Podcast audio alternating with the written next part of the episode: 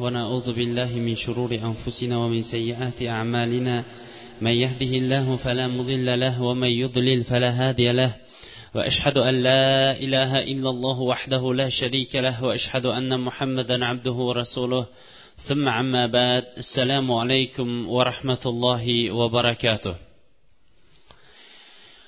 Odatdagiday suhbatimizni boshlashdan avval biz alloh taoloning go'zal ismlari va oliy sifatlari bilan ushbu majlisimizni muborakli va davomiy majlislardan qilishligini tarqalishligimizda esa alloh taoloning ilm halaqalarini qidirib yuruvchi farishtalari bizlarga qarata ey allohning bandalari endi sizlar o'rninglardan turaveringlar vaholanki sizlarning gunohinglar endi kechirilindi degan majlislardan qilishligini so'rab suhbatimizni boshlaymiz. Alloh subhanava taologa beadad hamdu sanolar bo'lsin. Mana iymon silsilalaridan bo'layotgan majlislarimiz jannatning sifatlariga kelgan to'xtagan edi. Avvalgi majlisimizda jannatga kiruvchilarning kayfiyatlari haqida to'xtagan bo'lsak endi jannatga kirgandan keyin inson jannatning sifatlarini endi ko'ra boshlaydi. Haqiqatdan ham hayotda biron bir manzilga biron bir diyorga borib yetgandan keyin inson o'sha diyorning o'sha manzilning sifatini ko'rganga o'xshash jannatga kirgandan keyin ham insonlar jannatning sifatlarini asta sekin ko'zlari bilan ko'ra boshlaydi. Lekin alloh subhanava taolo o'zining lutfu karami va marhamati bilan bizlarga jannatni ko'rishligimizdan avval bizlarga jannatning sifatini to'liq qilib bayon qilib berdi. Hattoki biz o'sha jannatga harakat qilib jannatga kiradigan amallarni ko'paytirishligimiz uchundir. Ammo jannat jannat abadiy yo'qolmaydigan eskib ham qolmaydigan ahli esa u yerda abadiy qoladigan undan biron bir joyga ko'chib o'tmaydigan dunyoda insonlar ko'chishlik tabaqasi bilan yoshi ham ko'chadigan fasllari ham ko'chadigan bu o'zi ham yuk toyimini ko'tarib ko'chib yuradigan bo'lsa jannatda bunday ular uchun azob yo'qdir. Uning ustiga ular u yerda abadiy qolguvchi va o'lim sharbatini lazzatini ham totguvchi emasdir.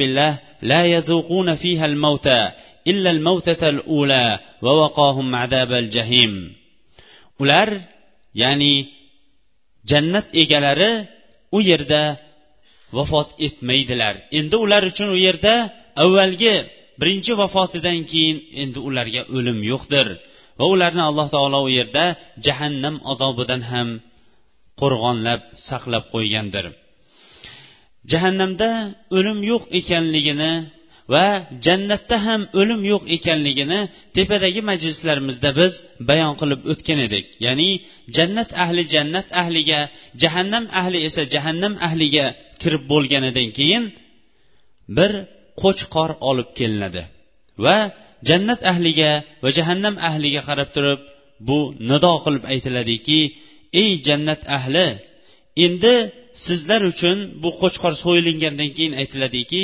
ey jannat ahli abadiy xolid abadiy qolishlik va o'lim yo'qdir. Ey jahannam ahli sizlar ham endi bu yerda abadiy qolasizlar endi o'lim yo'q deydi. Jannat ahli hayotida tug'ilib bunchalik xursandchilikni ko'rmaydi. Chunki o'lim endi ularga muhri o'lim endi bu yerda to'xtatilingan. Ammo jahannam ahli esa tug'ilingandan buyon bunchalik hasrat nadomatni ko'rmaydi. Chunki azob ustidagi azob to'xtamaydigan azob ustidadir. U yetmagandek alloh subhanava taolo nido qilib ahli jannatga jannatga kirganlaridan keyin aytadiki aytayotgan zot jannatning egasi bo'lmish alloh taolo aytadiki endi sizlar doim sog' salomat yurasizlar. Sizlar uchun endi kasal bo'lishlik yo'qdir. Hech ham sizlar kasal bo'lmaysizlar.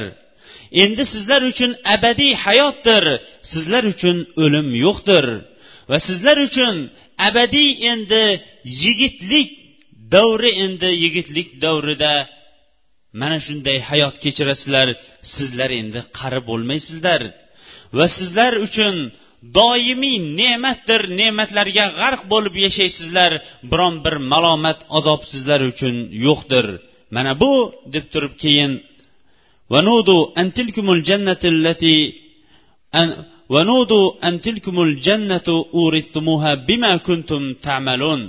Ularga nido qilindi. Mana bu sizlar dunyoda qilgan amallaringlar sababli olgan merosxo'ri bo'lgan jannatinglar mana shu deb. Hadisni imom muslim o'zining jomisida vorid qilgandir. Jannatning sifatlari. Jannatning sifati jannat haqidagi nima o'yda bo'lsak bilaylikki avvalambor birinchi nuqta biz o'ylagan o'ydan jannatning sifati nihoyatda yuqorida. Jannat haqida qaysi bir o'y bilan qaysi bir sifat bilan jannatning sifatini o'ylamaylik baribir jannatning sifati bizni hayolimizdagi o'ylardan balanddadir. Chunki jannatda alloh subhanava taolo o'zi va'da berganidek men solih bandalarim uchun ko'z ko'rmagan quloq eshitmagan va insonning qalbiga ham tushmagan ne'matlarni hozirlab qo'ydim dedi. Inson ba'zan ko'zi ko'rmagan narsani tasavvur qilishligi mumkin. Ba'zan qulog'ida eshitmagan narsani bir tasavvur qilishlikka harakat qilishligi mumkin. Lekin uchinchi nuqta qalbiga ham tushmagan degandan keyin bu jannatning ne'matlari nihoyatda buyuk yuksak ekanligini mana shu o'rinda o'zimiz tasavvur qilaversak bo'ladi. Sahobalar payg'ambarimiz sollallohu alayhi vasallamdan jannat haqida jannatning sifatlari haqida so'rashar edi.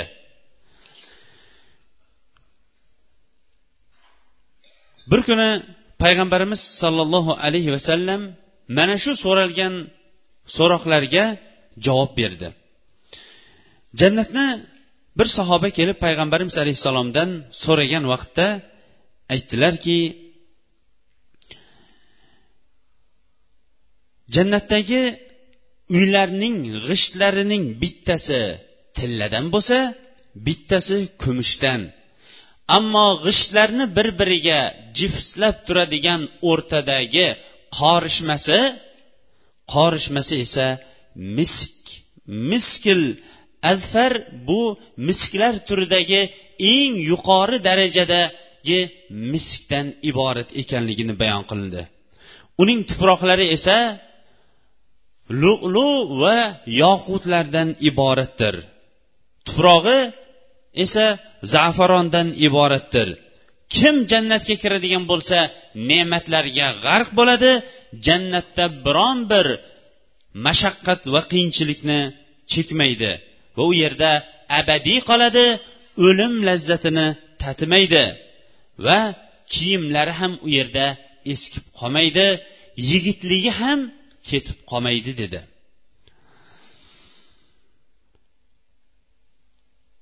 haqiqatdan ham alloh subhanava taolo jannatga bergan ne'matlar insonning aqli bovar qilmaydigan ne'matlardir fikrlar ham u yerga u ne'matlarga yetmasligini alloh subhanava taolo bayon etib فلا تعلم نفس ما أخفي لهم من قرة أعين جزاء بما كانوا يعملون deydi ko'zlar quvonchadigan amallarni ular qilgan amallariga mukofoti qilib ko'rganda ko'zlar quvonchadigan ne'matlarni qanday ekanligini biron bir shaxs hali bila olmaydi deydi.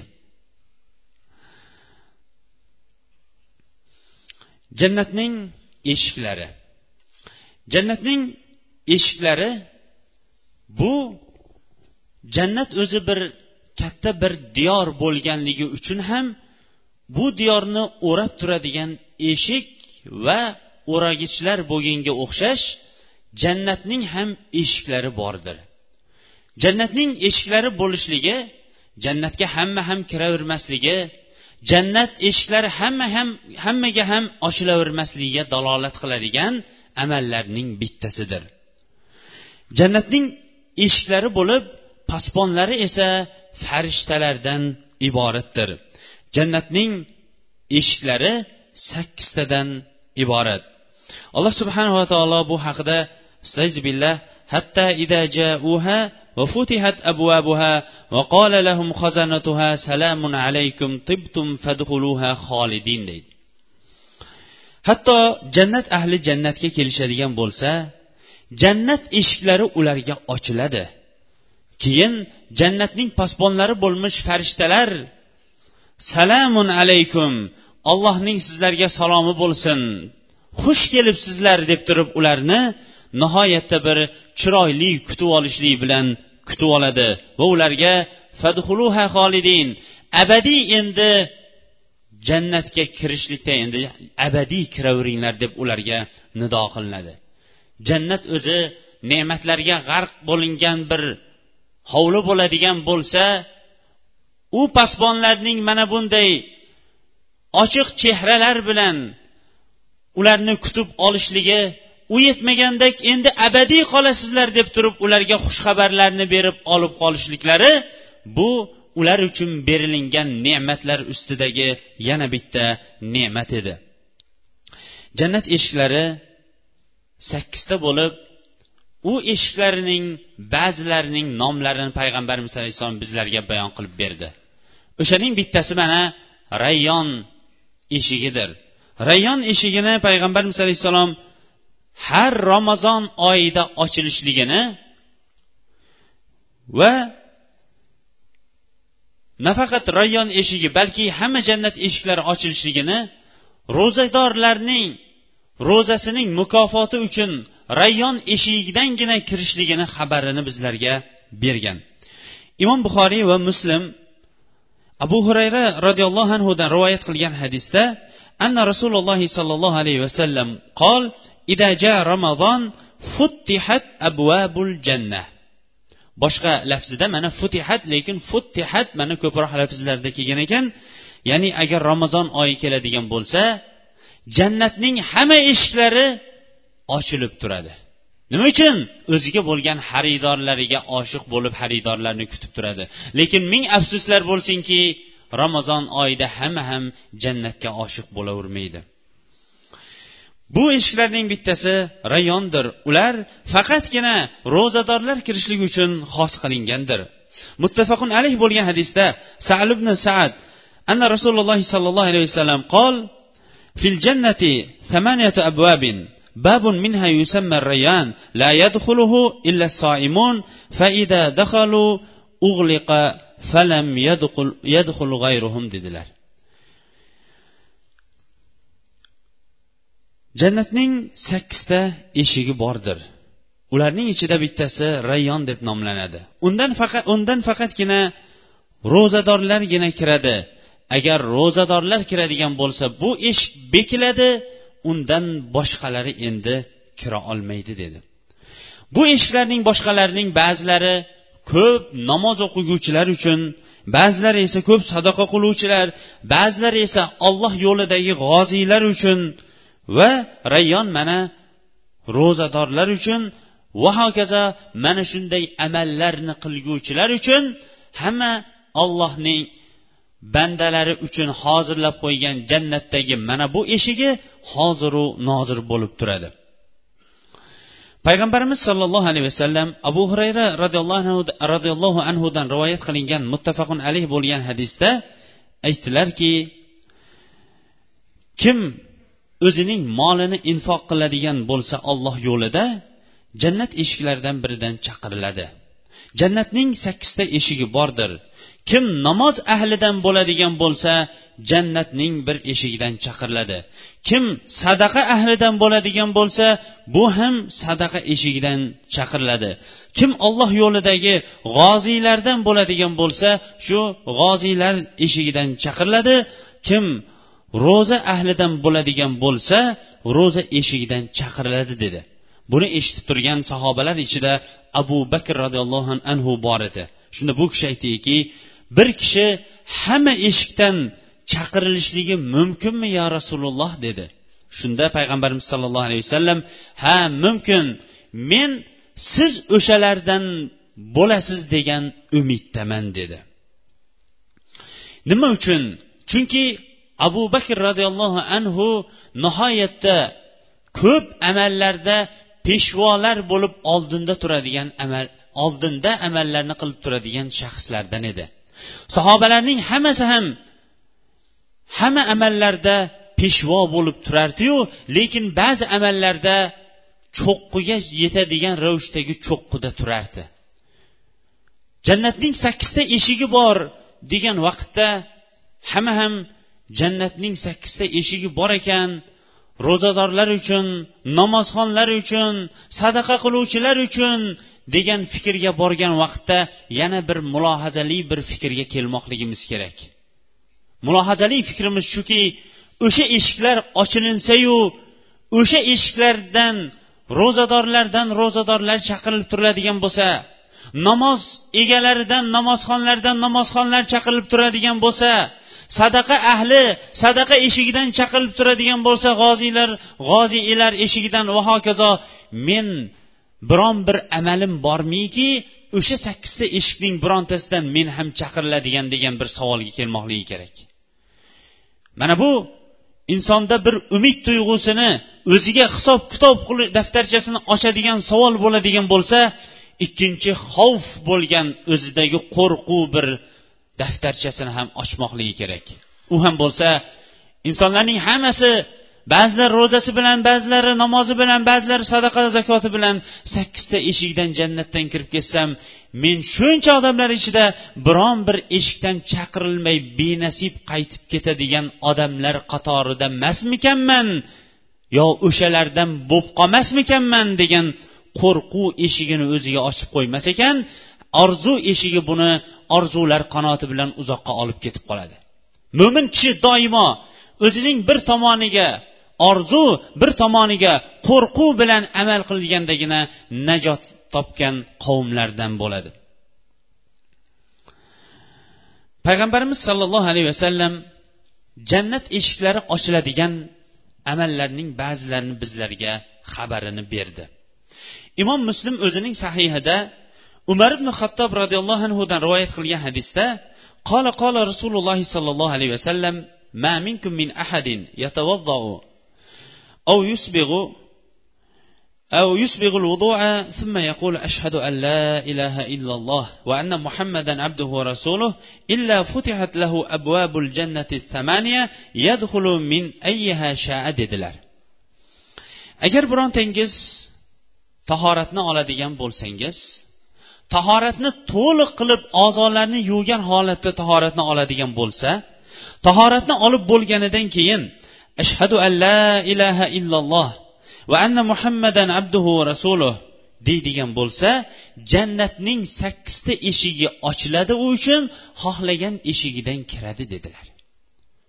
tahorat olishlik bobida biz savol javoblar majlisida tahorat olayotgan vaqtdagi ba'zi bir duolarni o'qishlik bid'at faqatgina tahoratning boshida bismillah kalimasini va oxirida mana bu duoni aytishlik haqidagi ba'zi bir hadislarni vorid bo'lgan hadislarni o'qib bergandik. Mana endi bu fazilati ham shunchalik buyuk ekanki jannatning sakkizta eshigi ochilib bu kishi xohlaganidan kiradi. Qachon? Qachon shuni aytib keyin amal qiladigan bo'lsa ham. Ana undan keyin payg'ambarimiz sollallohu alayhi vasallam bizlarga xabar bergan jannat eshiklarining mana bu ba'zilari xos bo'ladigan bo'lsa ommatan ummati uchun va boshqa ummatlar uchun ham ochib beriladigan eshikni bizlarga xabarini berdi. Abu hurayra roziyallohu anhudan rivoyat qilingan muttafaqun alayh bo'lgan hadisda alloh taolo qiyomat kunida mana shafoat hadisida keladi bu ey muhammad der ekan sollallohu alayhi vasallam ummatingizdan eshikning o'ng eshik tomonidan hisob kitobsiz ummatingizdan kirgizing. Va boshqa ummatlar ham mana shu eshikdan kirishda ummatingiz bilan sherikdir deb aytar ekan. Ammo eshiklar degan vaqtimizda biz jannat eshiklarini dunyo eshiklariga qiyos qilib olmasligimiz kerak.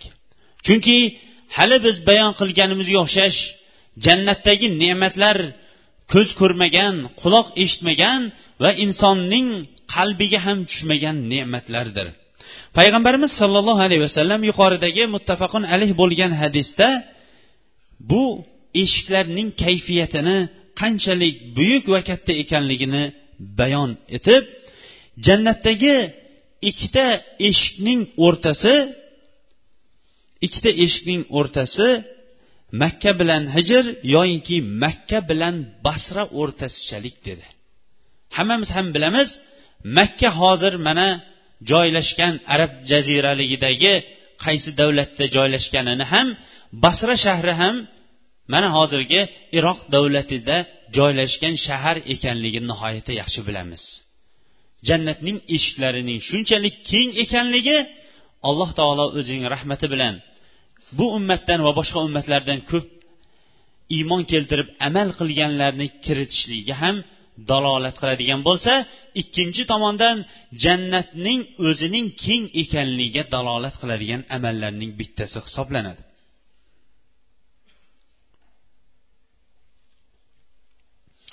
Jannatdagi darajalar. Dunyoda inson biron bir manzilga keladigan bo'lsa manzilga eshikdan kirgandan keyin xonadonning egasi uni o'sha mehmonga ajratilingan o'rindiqga o'tqizishlikka harakat qiladi. Alloh subhanahu va taolo o'zining avliyolari uchun hozirlab qo'ygan karomat hovlisiga ham o'zining bandalari solih bandalari kirganidan keyin jannatdagi o'zining o'rinlarini olishadi.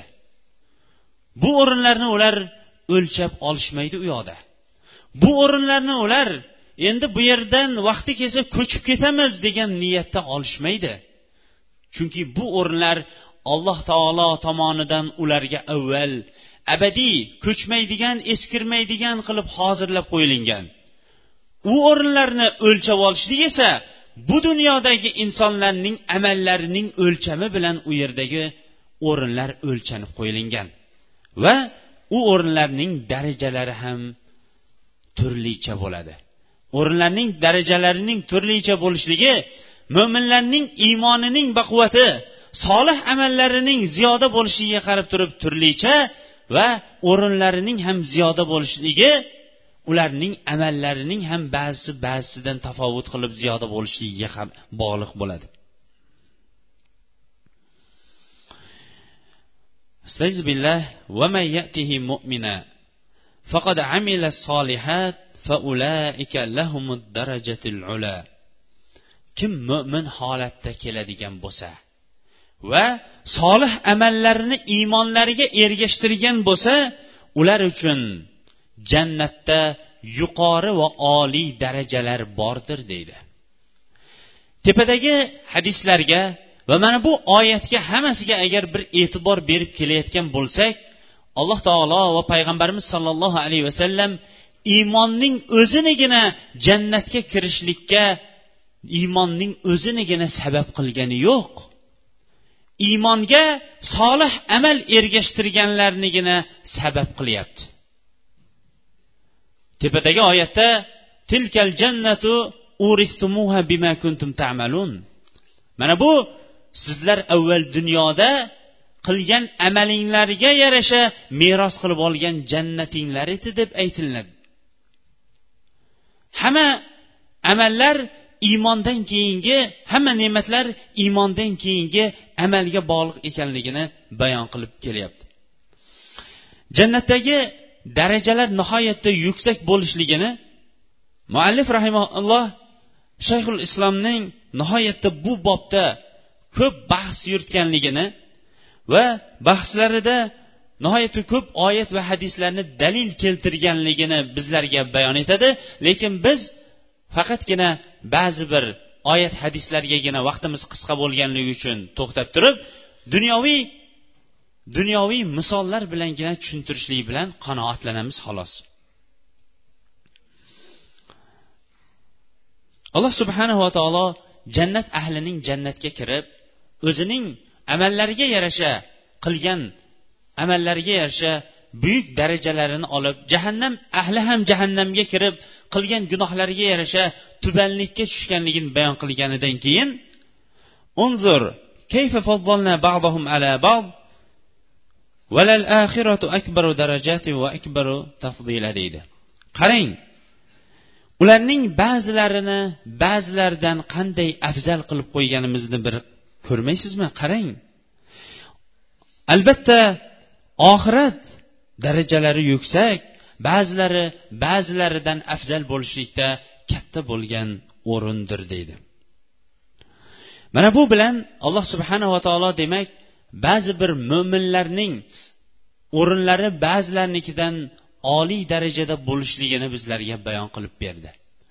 Dunyoda insonlarning yashashligi alloh subhanava taolo bizlarga bo'ysuntirib bergan mana bu tekis yerlarda insonlar bir xil ravishda imorat soladigan bo'lsa yoyinki o'zlarining iqtisodiy sharoitiga qarab turib o'sha tekis yerda qavat qavat qilib tepaga qarab ko'tariladigan bo'lsa u yerdagi berilingan ne'mat hamma tomonlama ko'tariladi. Hamma tomonlama ko'tariladi. Manzilatlari ham ko'tariladi. Manzilatlar ko'tarilgan sari ularga berilingan ne'matlar ham ko'tariladi va qasrlari ham buyuk bo'ladi ular turgan o'rin ham buyuk bo'ladi. Inshaalloh mana hadislarda keladi. Har bir har bir manzilat xuddi biz yerda turib osmondagi quyoshlarni ko'rganchalik darajada bo'ladi. Biz yerda turib osmondagi quyoshlarni ko'rganchalik darajadagi bir birlaridan manzilatlari shunchalik buyuk bo'ladi. Ko'p ulamolarning mana bu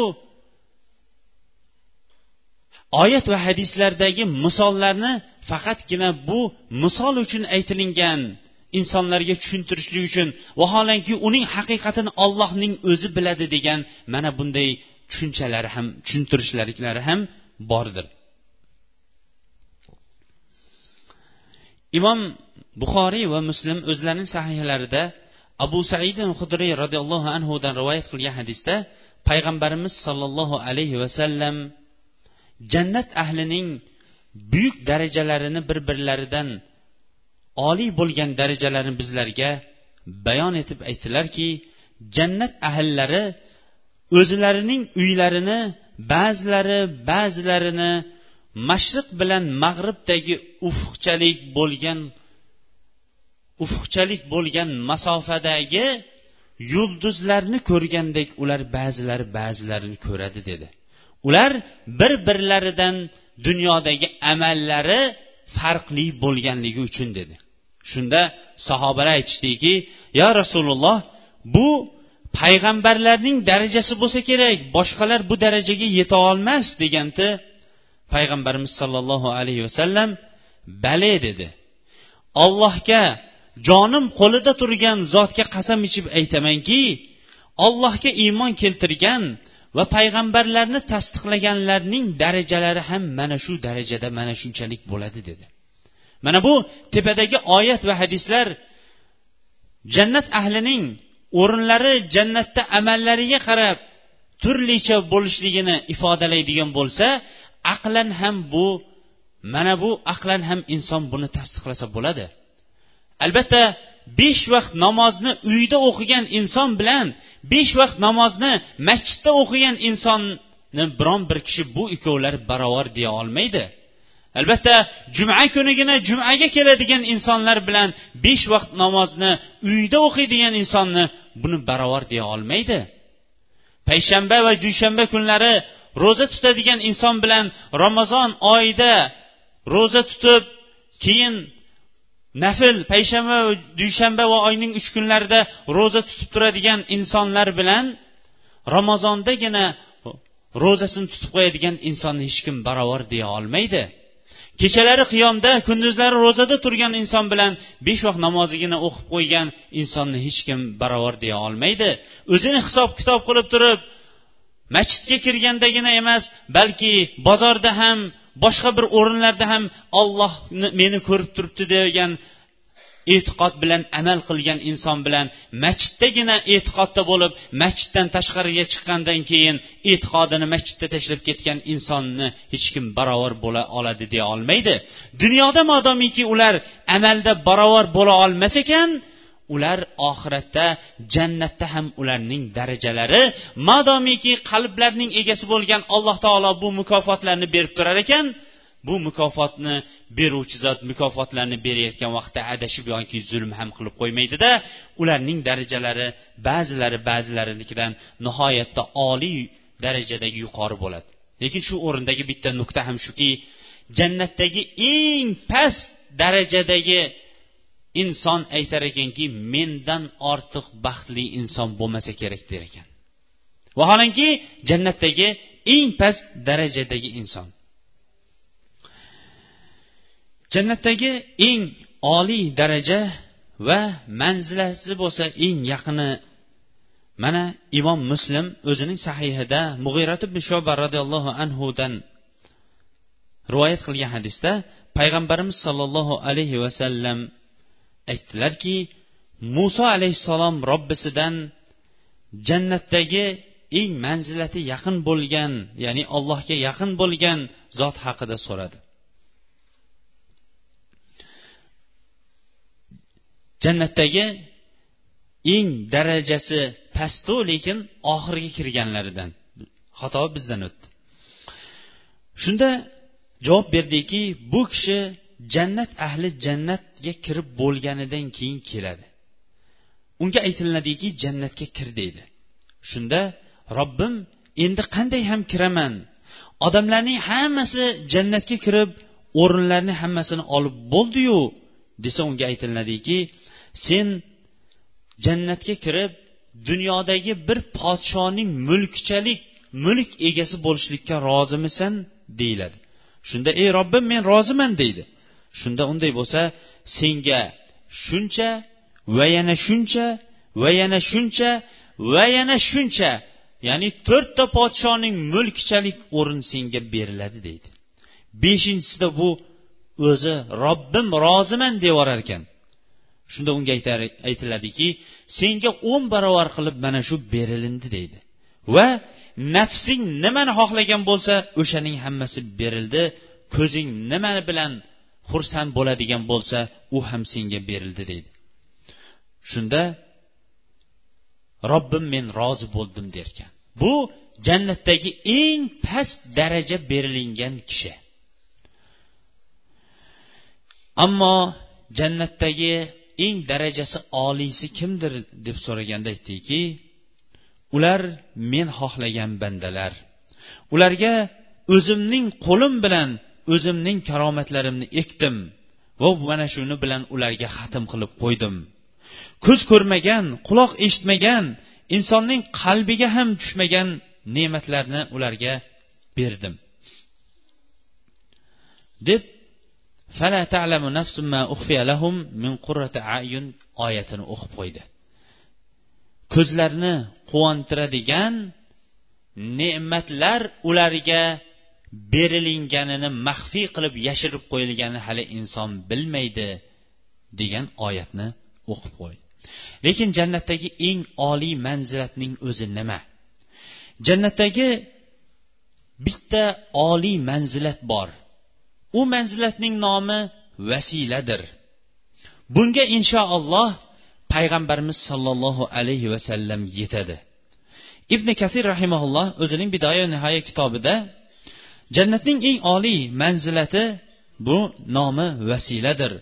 Bu payg'ambarimiz alayhissalomning maqomidir deb turib jabr roziyallohu anhudan imom buxoriy rivoyat qilgan hadisni olib kelib kim azonni eshitgan vaqtda allohimma robba hadihi da'vati tamma va solatil qoima ati muhammadin vasilata val fadila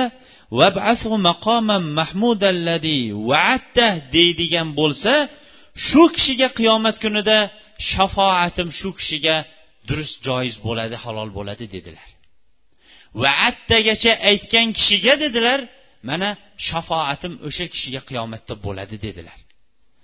vaattagacha aytishlik esa o'sha vasila payg'ambarimiz alayhissalomni o'sha buyuk darajaga yetkazishlik edi ammo abdulloh ibn amr ibn as roziyallohu anhudan imom muslim rivoyat qilgan hadisda agar muazzinni eshitsanglar dedilar payg'ambarimiz alayhissalom.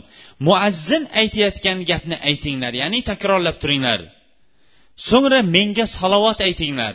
Ozondan keyin mana hammaga ham xossatan bu muazzinimizga duoda tanbeh mana ozondan keyin payg'ambarimiz alayhissalomga salovat aytilinadigan ibn qayyim rahimaulloh sanagan o'nta o'rinning bittasi azondan keyin. Payg'ambarimiz alayhissalom mana menga salovat aytinglar dedi. Keyin chunki dedilar kim menga bir marta salovat aytadigan bo'lsa alloh taolo unga o'nta salovatni aytadi. So'ngra menga alloh taolodan vasilani so'ranglar. Kim menga vasilani so'raydigan bo'lsa unga unga qiyomat kunida shafoat qilaman dedi. O'sha vasilani so'rashlik ham vaattagacha duoni o'qishlikdir.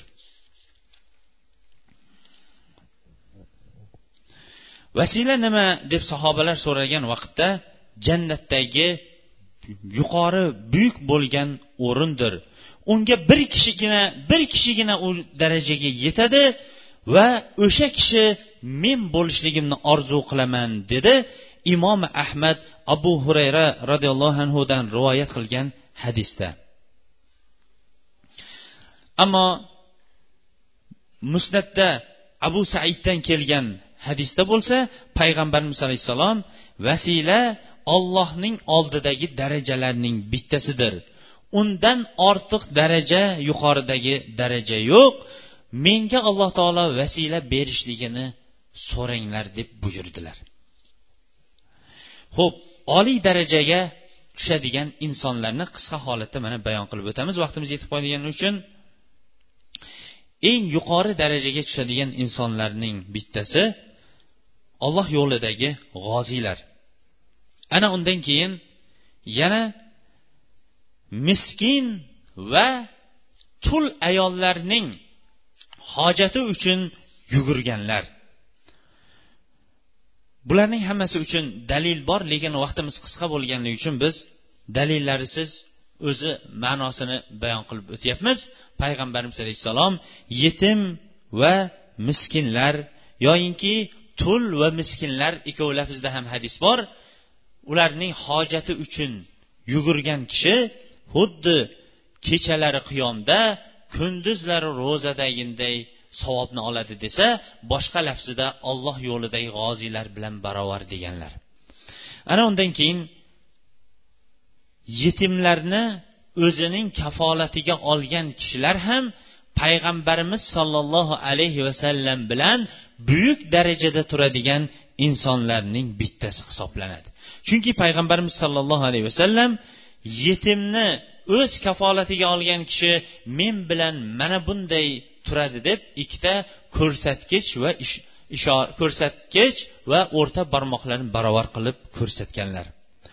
Ana undan keyin otalarning darajalari jannatda ko'tarilar ekan farzandlarning qilgan duosi sabablik imom ahmad o'zining musnadida abu hurayra roziyallohu anhudan rivoyat qilgan hadisda ibn kasir esa buning isnodini sahih degan alloh taolo solih bandaning darajasini jannatda ko'taradi. Shunda aytadiki yo robbim menga qaysi amalim sababli darajam bunchalik ko'tarildi? desa bolangizning farzandingizning sizga qilgan istig'fori sababli deyilar ekan.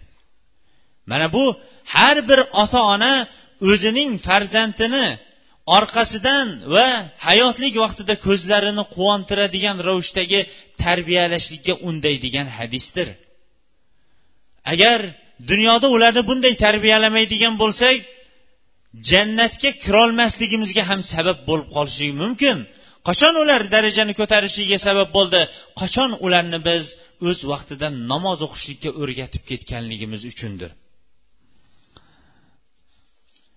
Jannatning tuprog'i haqidagi inshaalloh jannat sifatlarini keyingi majlislarimizda inshaalloh davom ettiramiz. Majlislarimiz inshaalloh mana jannatning sifatlari haqida endi davom etaveradi. Assalomu alaykum va rahmatullohi va barakatuh debdi. Savolda va alaykum assalom va rahmatullohi va barakatuh ho'p duo so'rabdilar.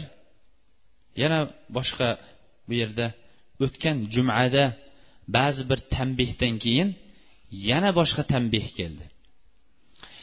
Aytadiki kechagi jumada siz maykachang yo shu maykaga o'xshash libosda namoz o'qiyotganlar haqida gapirib turibsizu naryoqda avratini ochishlikka endi aytishga ham inson ba'zan shu qanaqa kiyim ekanligini aytishga ham inson o'zi hijolat bo'ladi.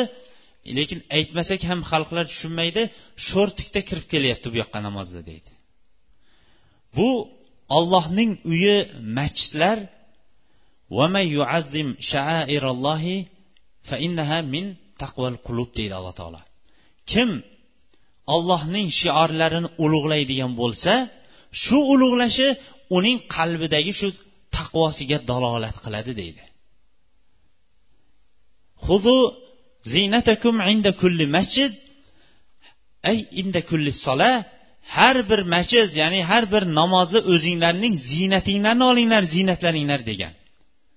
Ziynatlanishlik va libasu taqvo xayr taqvoli libos yaxshidir degani eng birinchi taqvoli libos bu olloh halol qilgan libosdir. U ham bo'lsa ipak bo'lmagan qaytarmagani va avratni to'sadigan libos bo'lmoqligi kerak. Mana butun mazhab ulamolari ham va umumiy ulamolarning ittifoqi bilan avrat ochiq bo'ladigan bo'lsa beuzr bu namozi namoz bo'lmaydi. Vaholanki haligi libos bo'lsa avratni aniq ochib turadi. Biz haliyam o'tgan jumada bu mayka bu u sho'rtikdan yengilroq narsa haqida gapirib qo'ygan ekanmiz. Shuning uchun ham har bir kishi payg'ambarimiz alayhissalomning gaplariga hadislariga muvofiq man roa minkum munkaran falyughayyirhu biyadihi fa in lam yastati fa bilisani va in lam yastati fa biqalbi ya'ni sizlarning birontangiz biron bir munkarni ko'radigan bo'lsa shu munkarni darrov qo'li bilan yo tili bilan yo shu hech bo'lmaganda qaytarolmaydigan bo'lsa qalbi bilan norozi bo'lib tursin degan. Shu qalbi bilan norozi bo'lib turishi iymonning zaifligi degan. Biz bu yerda jamoatning hammasini ko'rolmaymiz bo'lib ham mana tepada yo tashqarida o'qilayotganidan keyin bu odamlar qanaqa libosda kelishligini mana masjid ahlining o'zi ham bir chiroyli ravishda u kishini keyin libos kiyib keladigan ravishda odoblab jo'natib yuborish kerak. Ammo qaytib kelmaydigan qilib jo'natib yuborishlik bu nodonlik hisoblanadi. Qaytib keladiganu lekin shu libosini sal uzunroq qilib keladigan qilaylik. To'g'ri agar u kishi shunga odatlangan bo'lsa asta astalik bilan shunaqa libosni sho'rtikni kiyib masjidga kelayotganning o'zi ham katta gap shunaqa yigitlarni. Lekin shu sho'rtigini sal uzun qilib kelishligini o'rgatishlik ham bizni bo'ynimizdagi har bir musulmonlar uchun ham qarz ham farz bo'lgan amallarning bittasi hisoblanadi. Ho'p yana haj haqida ham so'rashibdi. Bu yilgi e, ba'zilar bu yil ham hajga niyatingiz bormi degan savollarni. Sufyan savriy bu kishi vallohu alam sakson olti yil sakson olti yil umr ko'rgan. Lekin hozir ancha bo'ldi bu kishini siyratini o'qiganimizga bu kishi sakson olti yillik umrining aksarini har yili haj qilish bilan o'tkazgan. Sakson oltinchi yil kirgan vaqtda bu kishi har yili hajga borishni so'rar ekan sakson oltiga kirgan vaqtida aytgan ekanki bu yil qarib qoldimda ollohdan hayo qildim hayo qildim shu hajga yetkaz deyishlikka degan yili alloh taolo buning jonini olgan ya'ni vafot etgan yili bo'ladi.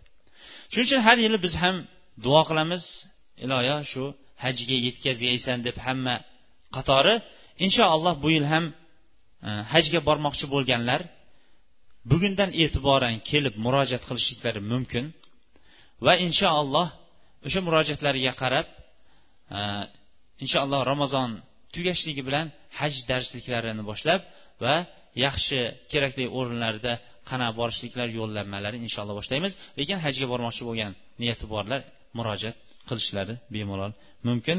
E, duo so'raganlardan duo qilaylik. Amin. Alhamdulillah vassalotu vassalam ala rasulilloh alloh subhanava taolo mana jannatning ne'matlarini o'qib jannatning sifatlarini o'rganyapmiz. Jannatning sifatlarini o'rganganimizdan keyin hammamizni ham jannatga oshiq qilsinda shu oshiq bo'lgan narsaga yetishlikka harakat qilishlikka sabab bo'ladigan amallar qilishlikka allohning o'zi tavfiq bersin. Alloh taoloning go'zal ismlari va oliy sifatlari bilan jannatni so'rab jahannamdan panoh so'raymiz. Alloh subhanava taolo hammamizni ham hammamizni ham iymonda va amalda barqaror sobit qadam qilsin. Xonadonlarimizdan va saflarimizdan iymon va amali solih bilan o'tganlarning gunohlarini mag'firat qilib savol javoblarni yengil qilib qabrlarini jannat bog'chalaridan bir bog'chaga aylantirsin. Mana dadalariga duo qilishligini so'rabdi. Nafaqat dadalariga hamma hamma mashriqu mag'ribdagi bu bemor bo'lgan shifo bemor bo'lgan bemor bo'lgan musulmonlarga alloh taolo o'zining o'zining huzuridan bir shifoni tushirsin. Ey olloh shifo o'zingdan butun bemor bo'lgan musulmonlarni o'zing dargohingdan tushirgan shifo bilan bu dardlarini ko'tarib yubor. Ey robbim qarzdorlarning qarzlarini o'zing o'z. Ey robbim befarzandlarga o'zlari o'ylagandan ham o'zingning toatingda turadigan solih va soliha farzandlarni ber. Farzandlarimizni esa ko'zlarimizni toatingda quvontiradigan solih va soliha farzandlardan qil. O'zimizni ham o'zingning toatingda barqaror qil va oxirgi kalimamizni la ilaha illalloh qil. Yaxshi amalimizni oxirgisi qil va yaxshi kunimizni o'zingning jamolingni jannatda ko'radigan kunlardan qil. Ey robbimiz nima yaxshilik bo'lsa biz o'sha yaxshilikni sendan so'raymiz. Nima yomonlik bo'ladigan bo'lsa o'sha yomonlikdan sendan panoh so'raymiz. O'zing yaxshi ko'rgan va rozi bo'lgan amallarga muvaffaq qil. O'zing g'azablangan va yomon ko'radigan amallardan o'zing chetlangansan haqni haq deb bilib unga ergashadigan botilni botil deb bilgandan keyin undan chetlanishlikka o'zing tavfiq ber. Sallallohu taala muhammad va ala alihi sohbi ajmain. Rahmatga arhamar rohimin إن الحمد لله نحمده نستعينه ونستغفره ونعوذ بالله من شرور أنفسنا ومن سيئات أعمالنا. من يهده الله فلا مضل له ومن يضلل فلا هادي له. وأشهد أن لا إله إلا الله وحده لا شريك له وأشهد أن محمدا عبده ورسوله. ثم عما بعد. در haqiqat suhbatimiz jannatning sifatlari va jannatning ne'matlari haqida bo'lar ekan jannatdagi ne'matlar haqidagi bir nuqta. Eng birinchi jannatning ne'matlari abadiydir u uzilib qolmaydi. Ikkinchi nuqta jannatda hayot bor o'lim yo'q. Uchinchi nuqta jannatda doimiy yigitlik qarilik yo'q. To'rtinchi nuqta jannatda biron biron bir daqiqani siz bo'ydoqlikda o'tkazmaysiz. Atrofingizda dunyodagi ayollaringiz soliha bo'ladigan bo'lsa va u yetmaganday har bir kishiga har bir jannatga kirgan kishiga kamida ikkitadan huru aynlar beradi. Demak jannatda bo'ydoqlik yo'q atrofingizni ayollaringiz va hurlar o'ragan holatda. Jannat beshinchi nuqta jannatda faqatgina sog' salomatlik duolarimizdagi sog'liqdir. Biron bir kasallik yoyinki biron bir illatli o'rin topilinmaydi jannatni hamma o'rni jannat nurdir. Jannatda kecha va qorong'u degan o'rin yo'qdir. Jannatning hamma o'rni nurdir. Jannatning ne'matlari kamoloti shu darajadaki uni ko'z ko'rmagan quloq eshitmagan insonning qalbiga ham bormagandir. Jannatdagi ne'matlar jannatda insonlarning qalbida biron bir jannatda gina fitrat g'azab adovat yo'qdir. Faqatgina qalblar bir birlariga birlashgan ulfatlashishgan xuddi bir insonday yashashadi. Hatto u yerdagi kundashlik degan ayollarning qalblarida ham bo'lmaydi. Hatto u yerda ayollarda ham bo'ladigan sifat ayollarda ham bokiralik sifati hech ham yo'qolmaydi. Erlari ularga qancha yaqinlashgan sari har bir yaqinlashganda erlari ularni bokira holatda topadi.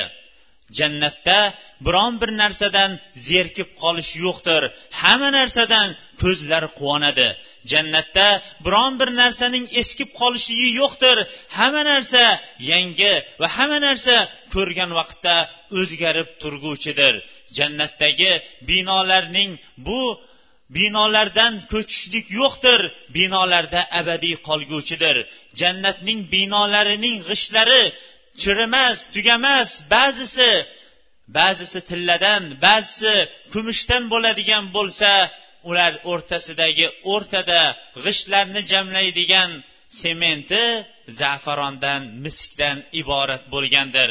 Jannatning tuprog'i zafaron bo'ladigan bo'lsa uyum uyum bo'lib yig'ilib yotgan marjonu lu'lular jannatning mevalari. Jannatda biron bir kunga chiqib qiynalib qoldim degan masala yo'qdir.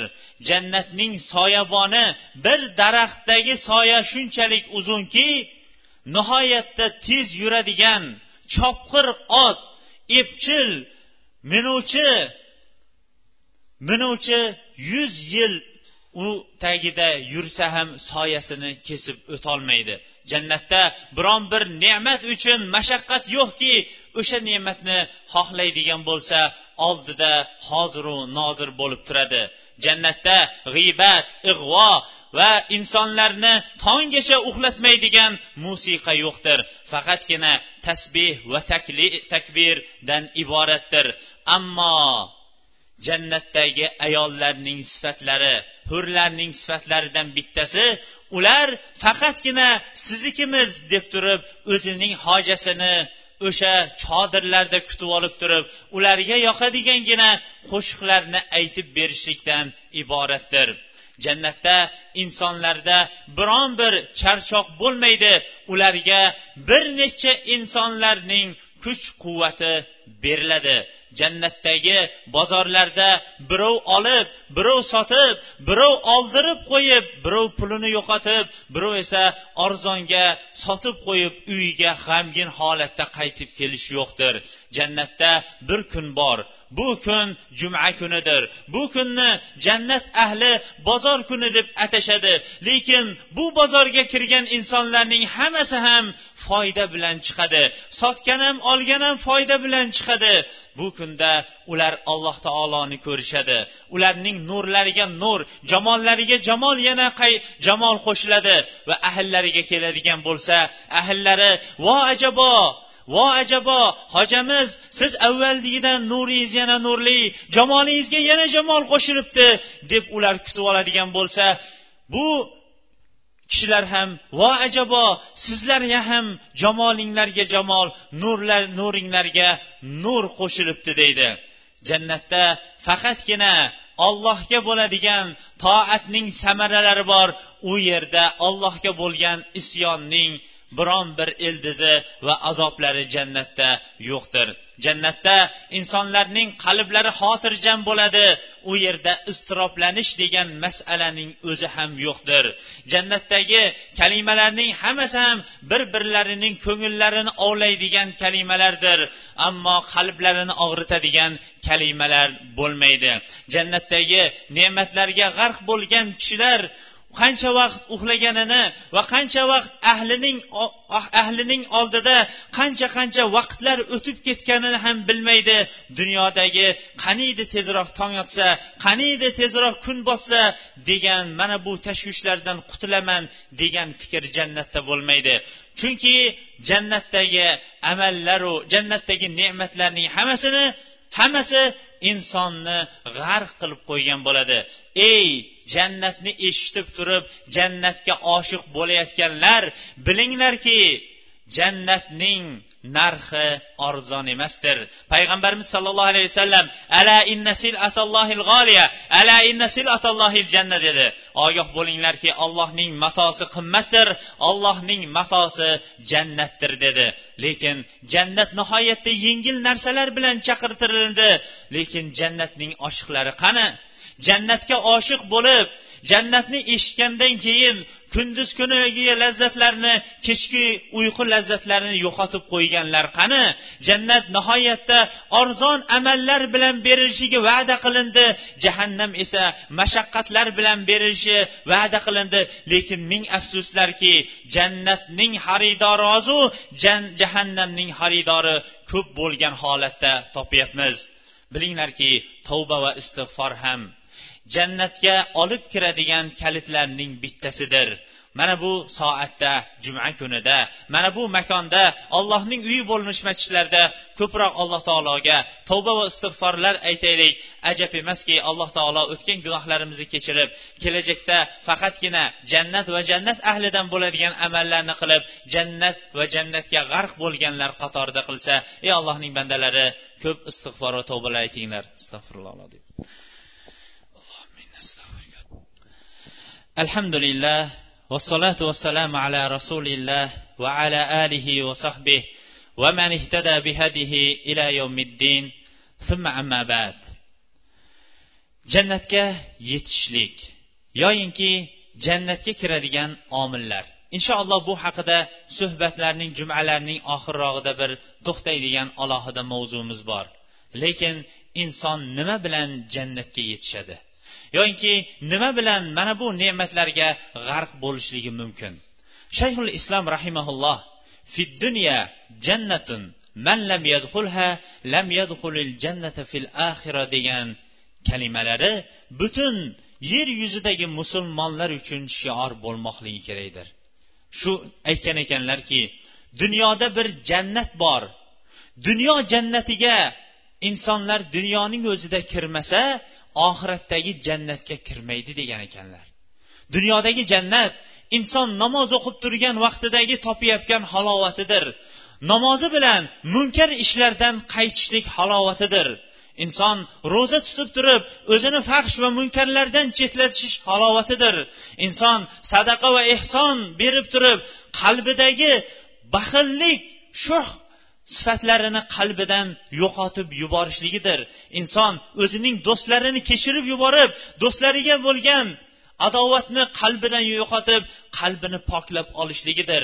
Qachon insonlarni ko'rgan vaqtda tabassum bilan insonlarga sadaqa qilishligidir.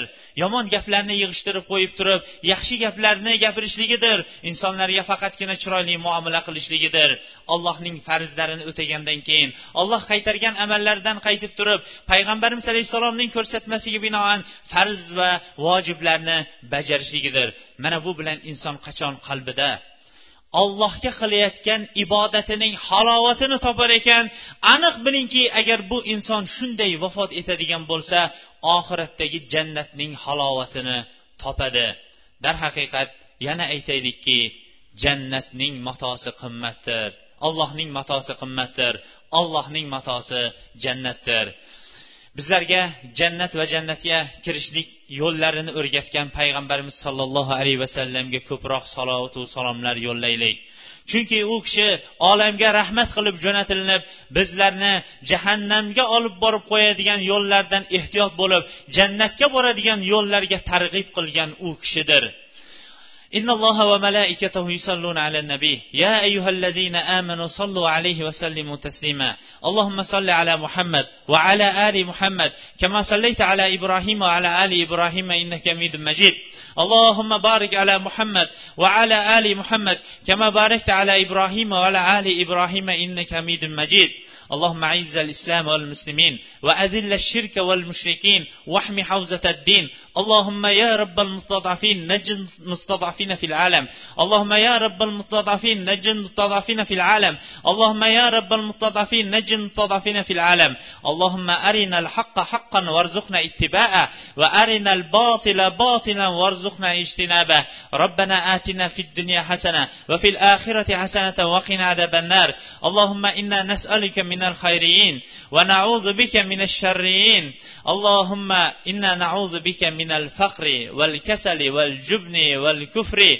اللهم نحن نعوذ بك ما استعاذك به صلى نبيك صلى الله عليه وسلم ونسألك ما سألك به نبيك صلى الله عليه وسلم. وصلى الله تعالى على خير خلق محمد وعلى آله وصحبه أجمعين. عباد الله فاذكروا الله ذكرا كثيرا وسبحوه بكرة وعسلا وآخر دعوانا أن الحمد لله رب العالمين.